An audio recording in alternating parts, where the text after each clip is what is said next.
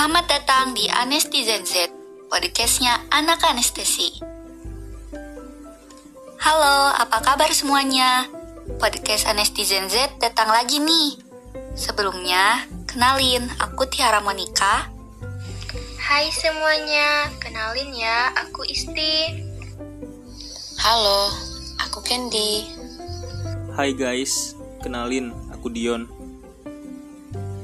Halo, kenalin juga aku Sri Yulianti. Oke deh, kami berlima udah pada kenalan nih. Jadi, kita mau bahas apa nih teman-teman? Nah, di podcast kali ini kita mau membahas tentang penyakit TBC nih. Ada yang tahu nggak penyakit TBC itu apa? TBC itu penyakit pernapasan yang menular nggak sih? Emang cara penularannya gimana sih? Buat lebih jelasnya, kita bahas bareng-bareng yuk.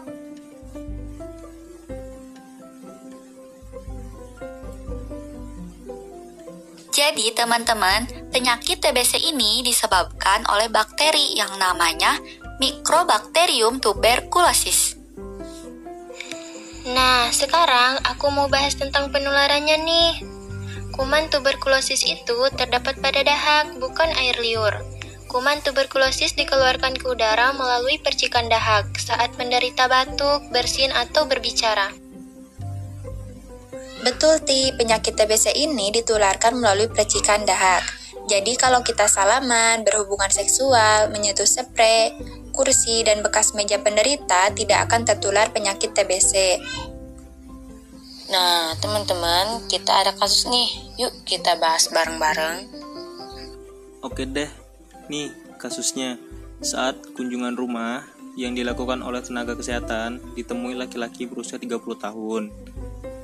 Hasil pengkajian TTV 120 per 80 mmHg, suhu 36,4 Celcius, nadi 80 kali per menit, pernapasan 20 kali per menit.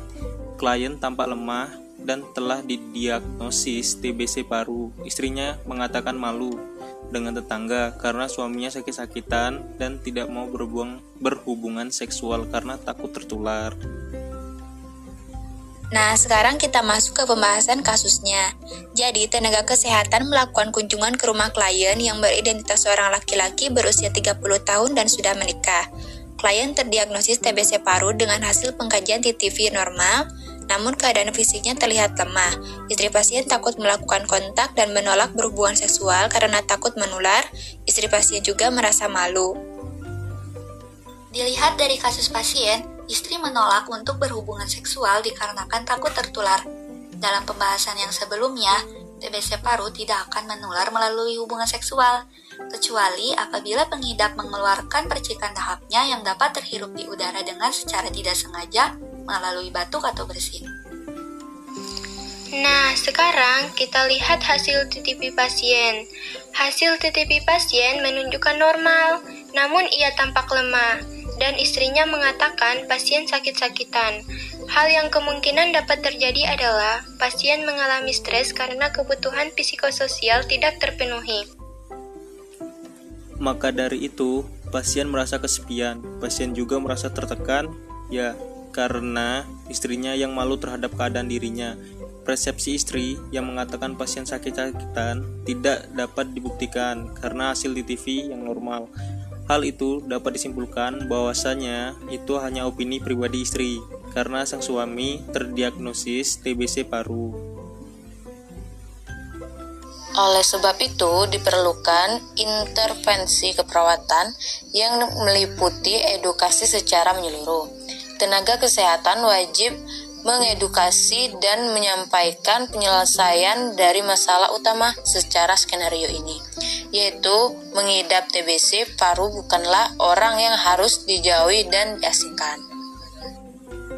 Hasil yang kami dapatkan juga adalah apabila imun pengidap penyakit TBC paru lemah, maka risiko ia dapat menularkan ke orang lain lebih tinggi, sehingga keluarga juga harus menjaga kebersamaan yang membuat pasien tidak merasa sedih dan sendirian.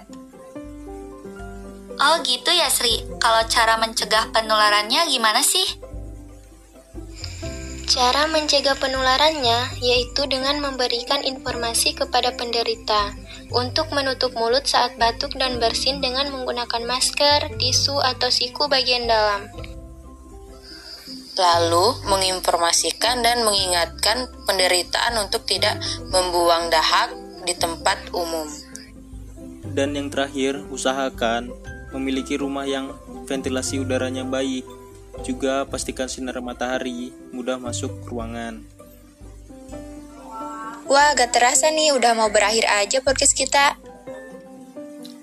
Eh iya, kayaknya sekarang kita harus pamit deh. Kalau gitu, kita tutup sesi podcast kita ya. Semoga apa yang kita sampaikan untuk teman-teman semua dapat bermanfaat. Kita pamit undur diri dan sampai jumpa di podcast lainnya ya. Bye.